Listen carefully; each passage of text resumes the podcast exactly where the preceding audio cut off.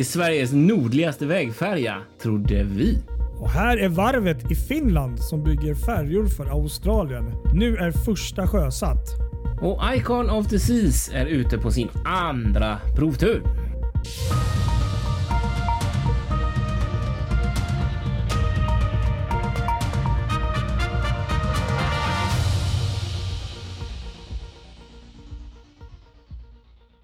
Jajamän, Fartygspodden är tillbaka. Ännu en vecka ska avhandlas. Eh, vi har gått in i höstlovsveckan 44 och vi ska prata om, prata om vecka 43 blir det ju sådär. Kristoffer Kulleberg Rotvall heter jag som håller låda i Göteborg. Och jag heter då Patrik Leinell och sitter i en ort någonstans i närheten av Stockholm.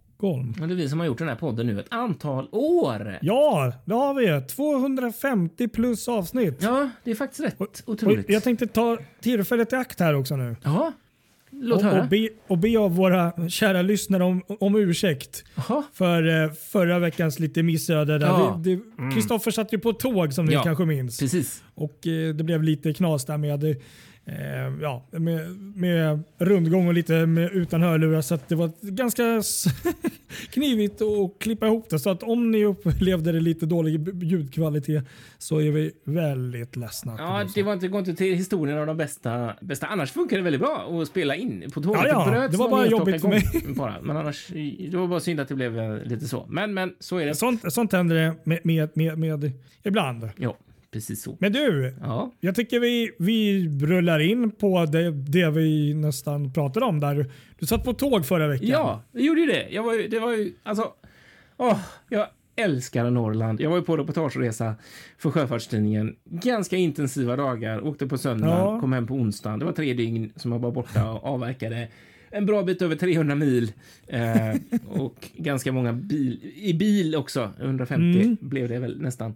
Och jag, ja, jag är ju lite... Man ska, det, det finns någonting i Trafikverket Färjerederiets vägfärjor som kittlar. Det kan låta lite fånigt, men jag tycker att det är lite kul.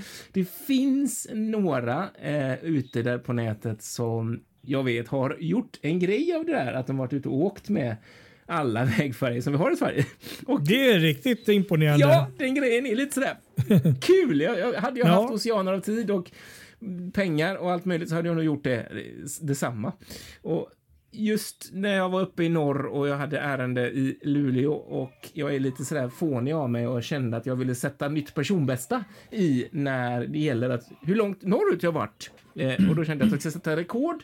Då var Boden mitt tidigare rekord och då tänkte jag, vad, tittade jag på kartan så här, vad ska jag kunna hitta på då? Ja, men då vill jag ta mig till Kalix eller Överkalix rättare sagt som ligger. Så tittar jag runt sådär, ja men där finns det ju lite sjöfart, där finns det ju lite fartyg och där finns det ju en färjeled. För jag vet, jag hörde där att det finns Sveriges nordligaste, jag var på ett seminarium så hörde jag eh, just att de sa det att eh, nordligaste ligger där i Överkalix. Så tänkte jag, vad bra, men den ska jag åka. Jajamän! Ja. Gjorde jag, så styrde jag från Kalix på, på små grusvägar. Flera mil körde jag i skymningen utan att Ja, möta häftigt. en enda bil. Och det var liksom snö och det var på ett ställe så, så, så mötte jag, så var det renar på vägen. Ja, det, det var häftigt. Jag såg bilden där. Ja, det var Ja. grymt. Och de här vägarna som jag körde på, det var, det var helt galet. Det var liksom 90-vägar som det var grus på. Grusvägar med gropar och, och det var lite så här. Jag var lite stressad för jag skulle hinna fram till den här vägfärjan som hade en avgångstid. Den gick ju inte hur ofta som helst. Nej, Skulle jag köra 90 på de här små vägarna då för att hålla ankomsttiden enligt GPSen? Det var lite svettigt kan jag säga. Men du, kör, du körde rally helt jag enkelt. körde rally, det gjorde jag verkligen. Och då kom jag fram till färjeleden. Bohedenleden, som den heter, som jag då trodde var Sveriges nordligaste färjeled. Men tji fick jag efter att jag hade varit och åkt den. Vi ska höra ett klipp därifrån alldeles strax. Eh, och jag skrev till dig lite glad så här. Nu har jag åkt Sveriges nordligaste Ja, färja. jag trodde på dig. Och så skickar du tillbaks något trevligt radioklipp från eh, Sveriges Radio som också gjort en grej på Sveriges nordligaste färja.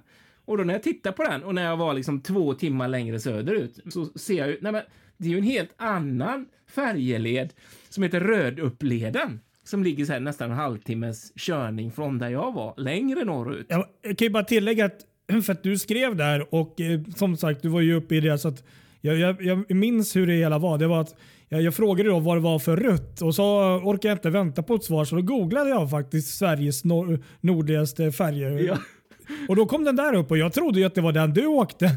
Så med andra ord så kan man säga att jag förstörde din dag där. Ja, det gjorde du. Nej, inte alls. Nej, men det var så här, man blev lite sur, för just när jag hade kört två timmar söderut så var jag inte så sugen på att vända. Men hade jag jag, förstår det. vetat det när jag väl var där, ja, då hade jag banne mig åkt de där eh, 24 minuterna eh, norrut för åkaren som ligger norr om Kalix. Men vi ska göra så här nu, tänkte jag. Ja. Först och främst, vi ska höra min inspelning som jag gjorde när jag åkte på det som jag trodde var eh, eh, Sveriges nordligaste färjeled, alltså på färjan Paulina på, på Bohedenleden. Det lät så här då.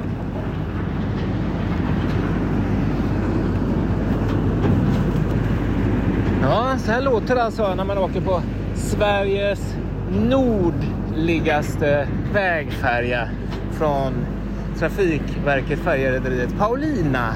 Håller på att ta sig över här i is. Det smäller bra. Månen håller på att gå upp och det rasslar. Det är inte långt. Det är bara 800 meter över här. Men eh, riktigt häftigt. Eh, tre bilar. En var det som körde av och eh, tre körde på, varav jag en då. Eh, på den här lilla vägen i Norrland. Där man kan ta sig till över Kalix om man kommer från eh, andra sidan sjön här. Ja, så, så kan det vara. Det var, det var Ja. ju fantastiskt. Jag måste berätta det här då, att det var ju som man hörde där, is. Hela, alltså, vintern har ju redan slagit till där uppe. Eh, Och det är skitkallt och en av nätterna när jag var där så var det 15 minus. Och, och här Oj, på, oj, på, på den här sjön då, Djupträsk heter sjön, eh, som den här färjan går över. För den går mellan två ställen som heter Sandudden och Boheden. Eh, och det är en led på 800 meter och det tar fem minuter med färjan Paulina. Ja. Eh, och och eh, det var liksom is och det var liksom eh, ja, en ränna där färjan går då. Eh, för det här är ju då en lindragen färja. Och det var så roligt för att ena sidan där var ju verkligen ödemarken så man undrar lite grann varför man ska åka dit överhuvudtaget. Men det blir ju en genväg då över den här sjön då som liksom ligger i anslutning till Kalixälven. Så det, det, och det var, jag kan nämna det också bara om den här färjan, eh, för den har ju blivit lite kändis också faktiskt, om man ska säga. Okej. Eh, på två sätt. För det första då 2016 i juni så hände en mycket märklig olycka med den här färjan. Eh, när den låg vid kaj. Och det finns en del bilder på detta eh, när det hände. För att i samband med en storm eh, så, så rasade hela styrhytten ner på däck Oj. och kraschade och gick sönder.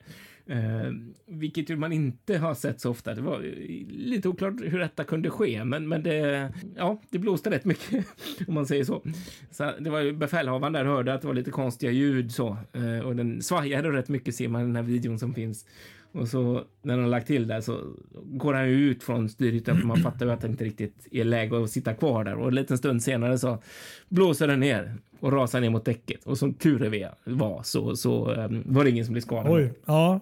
Dramatiskt. Dramatiskt var det. Men det som faktiskt färjan är känd för, eller man ska vara lite nördig i färje riktigt i färjekretsar här då, det är ju att den är skådespelare också. Den är med i en av slutscenerna i filmen Jägarna 2.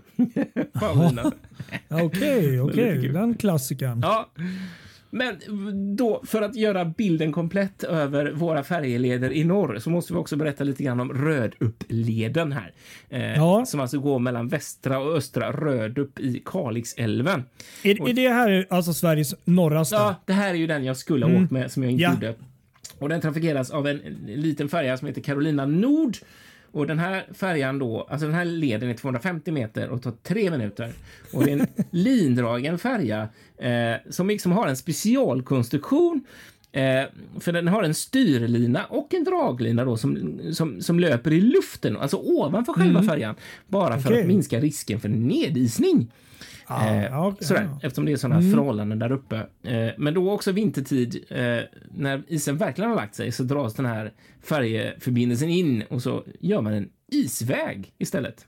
Eh, Ah, smart. Ja, exakt. Så, så ser det ut här uppe. Ja, det, är, det är ju fantastiskt. Jag måste ju säga det att eh, det där har ju alltid varit en dröm att se norra delar av Sverige och det där du berättade det låter ju faktiskt riktigt kul. Men det som är positivt med det hela att du missade det är att då finns ju den kvar. Ja. Så att om du någon gång åker igen så kanske jag kan hänga på där och eh, få uppleva det. För det lät ju faktiskt ganska härligt med vildmarken och ja. renar och allt. Och Sen måste jag bara säga den här bilden du tog från bussen också. Där, det var ju rena rama Eh, jag kan bara säga det, det är en bild på en sjö och något uh, hus där och fantastiska blå timmar med lite rosa. Det är, det är som ett julkort alltså. Ja, Fantastiska faktiskt. vyer. Ja, men det var, det var mm. strax utanför uh, Örnsköldsvik på väg ner med bussen till mm. Sundsvall igen. Så det var en bra bit längre söderut, men det var ändå magiskt. Det var så roligt sådär, för det var verkligen, man märker verkligen snön. Det har, gått, det har dragit förbi snöbyar liksom när jag var där. Så mm. på vissa ställen så var det ganska mycket, inte mycket snö, men täckt med snö och på andra så var det barmark eh, när man kom långt ut. Tycker det är jättekul att du tog upp det här. Det är kanske inte något vi pratar jätteofta om. Vägfärger har vi väl pratat om ibland, men, mm.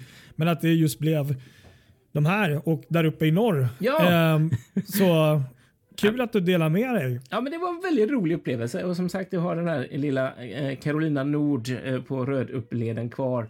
Eh, men fick alltså njuta av, av Paulina, eh, som man kan ju också tillägga där, att Paulina är byggd 1979 i Åmål på Åsiverken. Byggdes om år 2000 och är 39, 39 meter lång och tar 50 passagerare och 10 fordon. Eh, lilla eh, Carolina Nord är inte fullt så stor. Det är en mindre färja eh, som eh, tar... Um, hur många bilar var det där då? Sex bilar tror jag det var. Känns ju vägfärjorna här nere som vi är vana med i Stockholmsregionen eh, säkert på andra ställen också runt i Sverige som eh, riktiga bjässar om man jämför mot de ja, där två. Verkligen. Samma som mm. vi är vana vid på Hönörleden. Det är en helt ja. annan dignitet.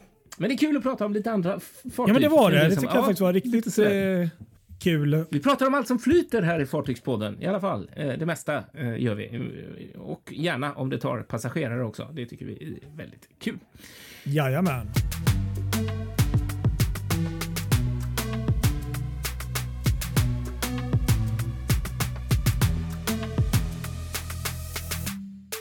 Jag tänkte vi skulle rikta, rikta blickarna mot Finland en liten stund. Vad, vad, vad händer där? Det är varvet i Finland som bygger ja för Australien. Precis. Ja, exakt, exakt. Eh, Rauma Marine Constructions, de som även har byggt Aurora Botnia, som jag för övrigt såg under min fina resa till norr. Det ligger ju i, i eh, Raumo, som man säger på svenska, uh, finska staden.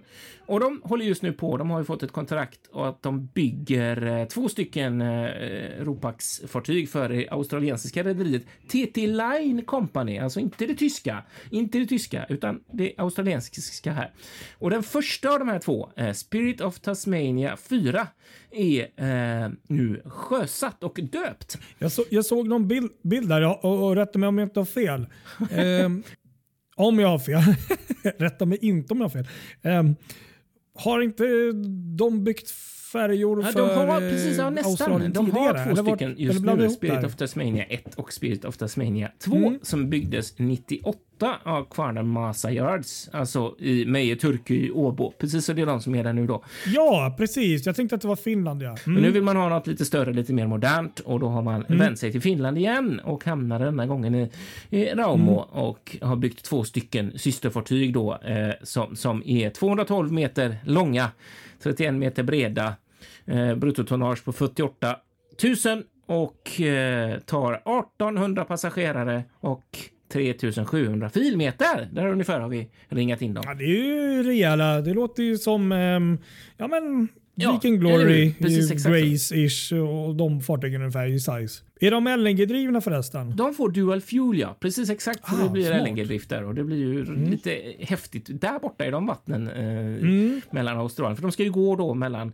Australien och Tasmanien då såklart eftersom det heter TT Line. Det finns ett, ett, eh, ett sund man ska kalla det som heter Bus Strait mellan mm, Geelong och i den här australiensiska delstaten Victoria och så Devonport på Tasmanien där man ska trafikera. Och det är ganska tuffa förhållanden där så att det är liksom inte inte vad som helst som kan eh, segla där. Så att de är ganska... Det, det, är lite kul att det blir omvänt där. Vi är ju annars lite vana med både Destination Gotland och Viking Line och andra bolag här nu att eh, ta emot från, eh, från Asien, ja, från Kina. Exakt. Nu gör man i princip helt tvärtom. Åker från Norden och åker iväg till, till Asien och de bitarna. Ja, jag vet. Nej, men det är väldigt häftigt det tycker jag, just att, Mm. att man bygger här i Finland tycker jag. Och jag hoppas, Ja. jag tror inte att jag eh, åker nog inte till, till Rauma och får titta på dem, men jag hoppas kunna se någon av dem i alla fall när de passerar eh, Östersjön. Jag är oklart om de tar kanske Kielkanalen, vet man aldrig, men, men mm, det hade varit kul att se dem här innan de, för sen, sen är det lite svårt får åka till Ja, nej, de kommer nog inte hit i närmaste taget. Nej. Så att det var dem. Det var roligt. Som sagt, dop vi får ju nämna också. Det måste vi göra. Eh, annars är det ofint. Eh, gudmor blev eh, Deborah eh, Granger eh, från Australien som var med och döpte. Eh, och samma det här dopet som gjordes då. Eh, då krossade man en flaska med lokalt producerat mousserande vin från Tasmanien i skrovet på, på eh, på eh, Spirit of Tasmania 4 då, som alltså döptes i samband med sjösättningen. Tyckte jag var lite roligt ändå. Ja, man tog, eh, gjorde allt på en och Ja, samma lika gång. bra. Varför festa till i Australien? Det är onödigt. Det kan man göra i Finland. Jajamän. Det så är det.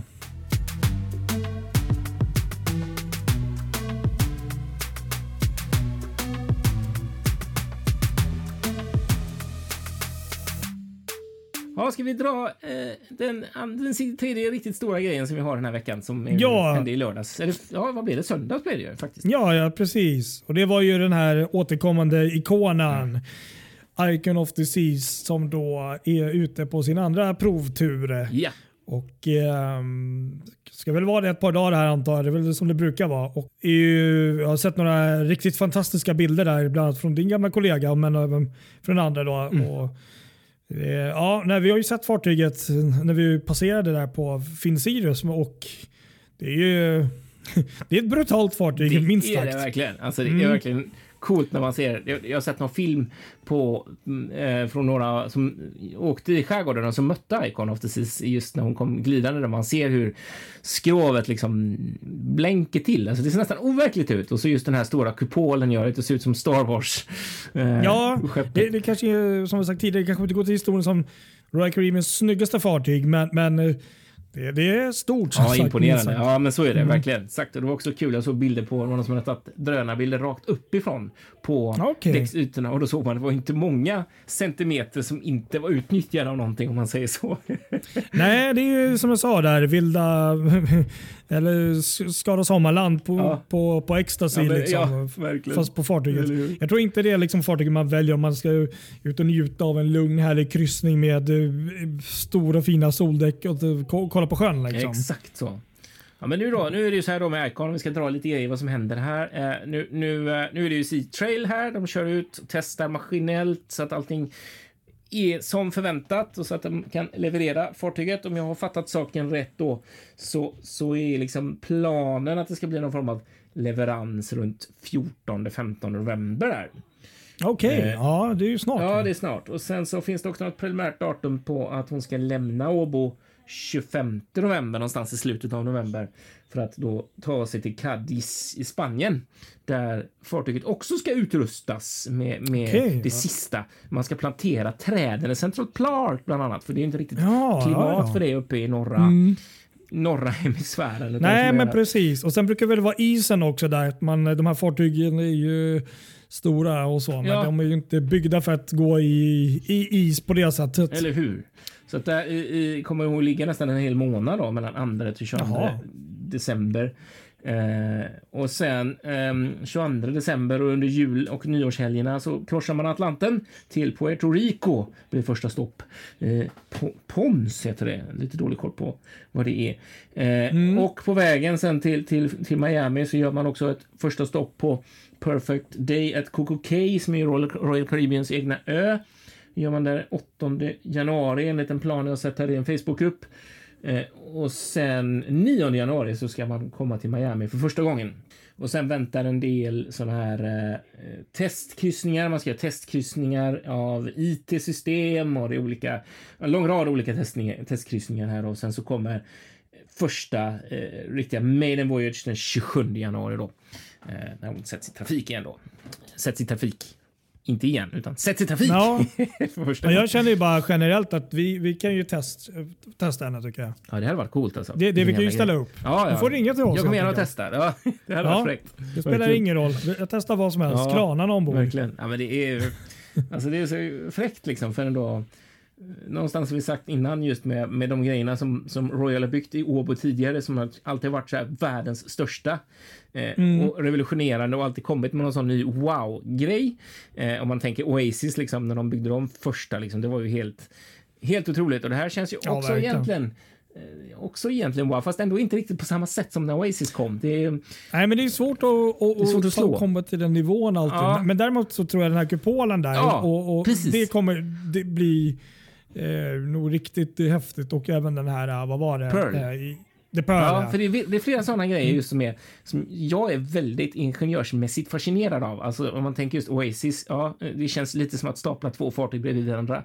Eh, jag ska inte säga, nu raljerar jag väldigt mycket, det är inte svårt, men det är jättesvårt. Men, men, ja, men det här, att ha så mycket vatten som man har så högt upp i fartyget långt ja. förut och den här The Pearl som jag fattat som är en mycket central del av hela skrovets konstruktion för att kunna bära upp det tycker jag är otroligt fascinerande. Verkligen. Jag minns ju för något år sedan, om du inte var med när du berättade, de hade lyft dit dem på plats där. Att ja. det var den största glaskonstruktionen någonsin och hur många ton det var. Ja, hit och dit. Precis. Mm. Det finns ju ett avsnitt, nu kommer jag knappt ihåg. Jag har ju varit och besökt Icon of the Seas. Ja, du har ju varit ombord faktiskt. På varvet och jag ska säga det, det är ju det är ju ett tag sedan. Det är ett bra tag sedan uh, som jag gjorde det. Jag tror det var i våras ja, som jag inte minns fel. Det var väl i våras va? Uh, som jag gjorde jag det. tror det. Uh, precis exakt, det var väldigt något av avsnitten där i alla fall. jo, men jag tror att jag såg det här. Ja, men precis i avsnitt vecka 20, 19 maj. Eh, ja. Då besökte jag Icon Artistet här. Det, ja, det kan man titta på om man är mer Icon-sugen. Just det, just det. Du hade en video Eller lyssna på. Ja, titta och lyssna. Mm. Så är det. Häftigt.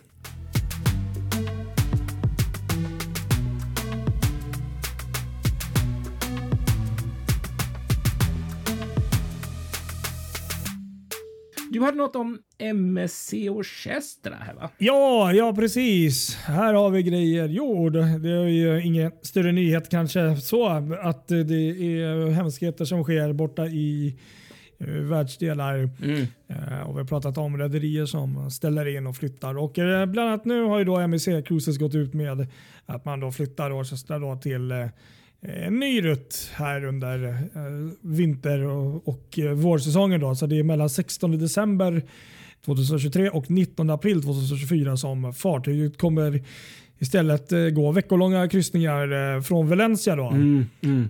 och göra ett antal stopp, då, bland annat Marseille och Palma och så vidare. Så vidare. Ja. Så att eh, man flyttar fartyget då, eh, på grund av oroligheterna i Röda havet. Så är det. Mm, det låter ju och jag tror också det var första gången någonsin som eh, det här fartyget eh, har kryssningar vid den här tidpunkten här ah, i det här området. Ah, ja, precis, det. Så det är lite first så. Mm. Men, men det är nice att uh, man kan flytta om och göra det möjligt att resa ändå. Så att, ja, verkligen. Precis, exakt. Och jag tror säkert fler rederier kommer också göra liknande. Ja, det är ju nödvändigt så, liksom, med tanke på läget ja. här.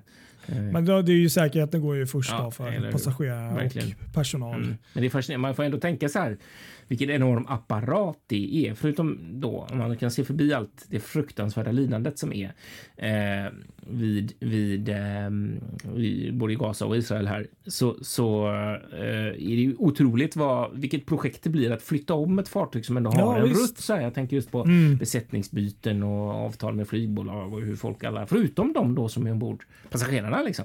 Eh, så blir Precis. Det, och leveranser och allt möjligt liksom som, som måste planeras om för en sån här omförflyttning. Ja, men det är ju inte eh, en liten grej Nej, kan jag tänka mig. Precis, och även de som har bokat. Jag tänker på rederierna som har bokat de här resorna och liksom ringer till folk och ja, vill ni boka om eller vill ni åka ändå de här datumen och sånt. Ja, du vet. Precis. Så att, um, mm. Mm, nej, det är ett gediget jobb för alla inblandade. Ja, det är det. Helt klart.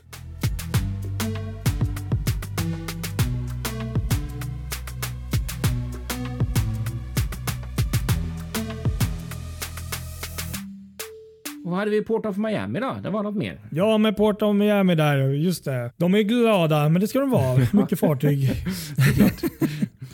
jo då, nej, men det som är lite kul är att de eh, får eh, åtta nya kryssningsfartyg här under eh, slutet av den här säsongen och i början av nästa säsong. Och eh, Det är ju då, det är fantastiskt. Oh, Helt nya fartyg. Ja, roligt. Ja.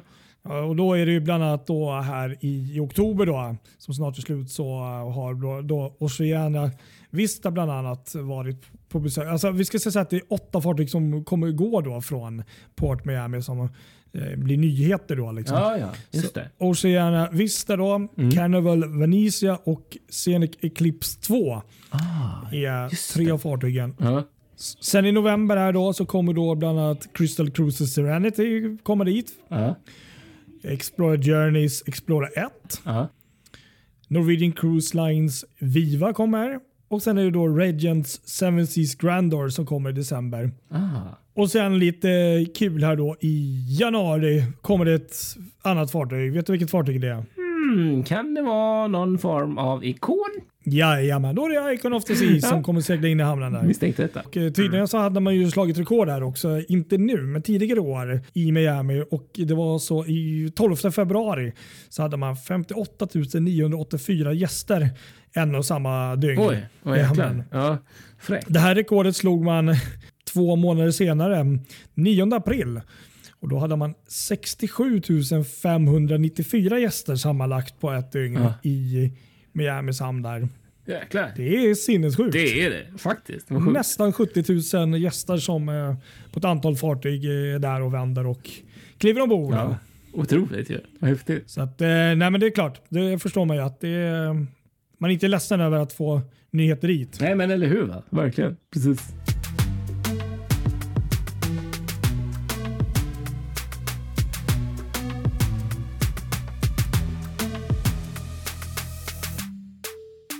Och så hade vi Carnival Venezia också. Ja, det var en liten nyhet där då. Carnival Venezia som var ute på en kryssning.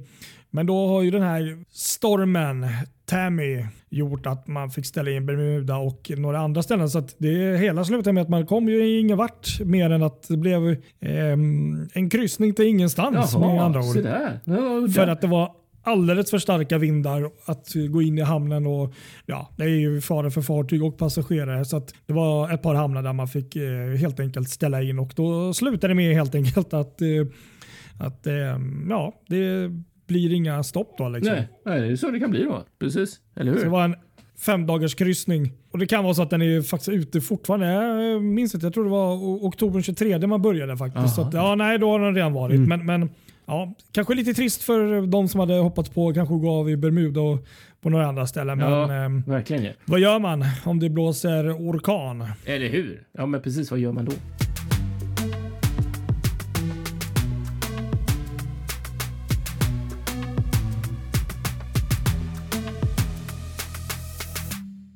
Jag tänkte vi måste ju avsluta också med något tråkigt. Vi slutar med något riktigt trist här idag. Eh, och det är ju egentligen den stora grejen som har varit hela veckan. Eh, egentligen borde man börja med det, men det är så tråkigt så jag tänkte att vi gör inte det.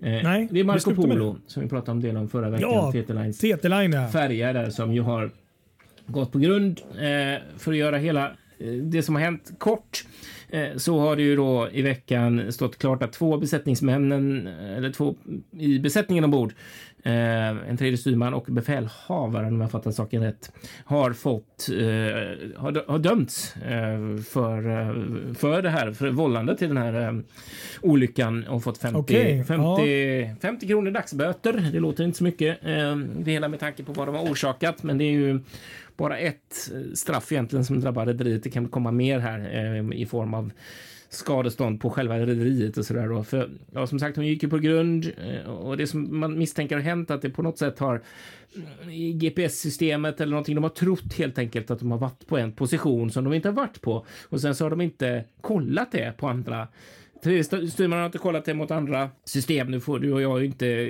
helt exakt koll på vilka typer av system de har och hur det fungerar. Nej, Eh, nej. Men på något sätt så, så har de inte kollat detta och när bef- befälhavaren sen har kommit upp efter den första grundstötningen så har han gjort samma misstag och då går båten på grund ännu en gång.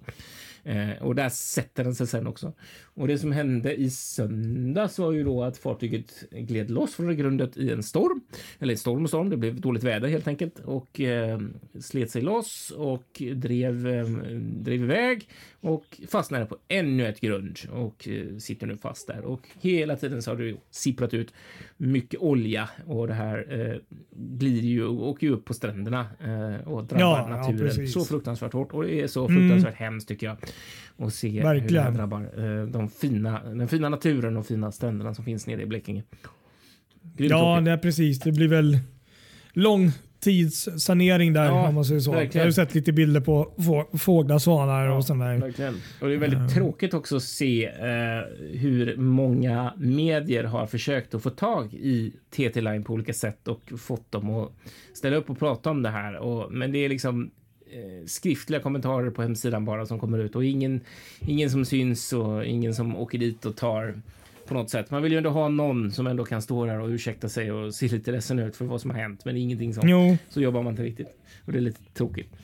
Så att, ja, nej, bitter smak där. Det var ju inte länge sedan som TT Line började trafikera Karlshamn, så att just nu så känns det väl inget vidare för, för dem med den där trafiken. nej det är ingen som är jätteglad på Nej. ha TT-line i, i de trakterna Nej, idag. kanske. tråkigt. Så får ju det här fortsätta med utredningsarbete och såklart vad, hur detta kunde ske överhuvudtaget. Och, ja, nej, grymt, grymt tråkigt är det. Verkligen.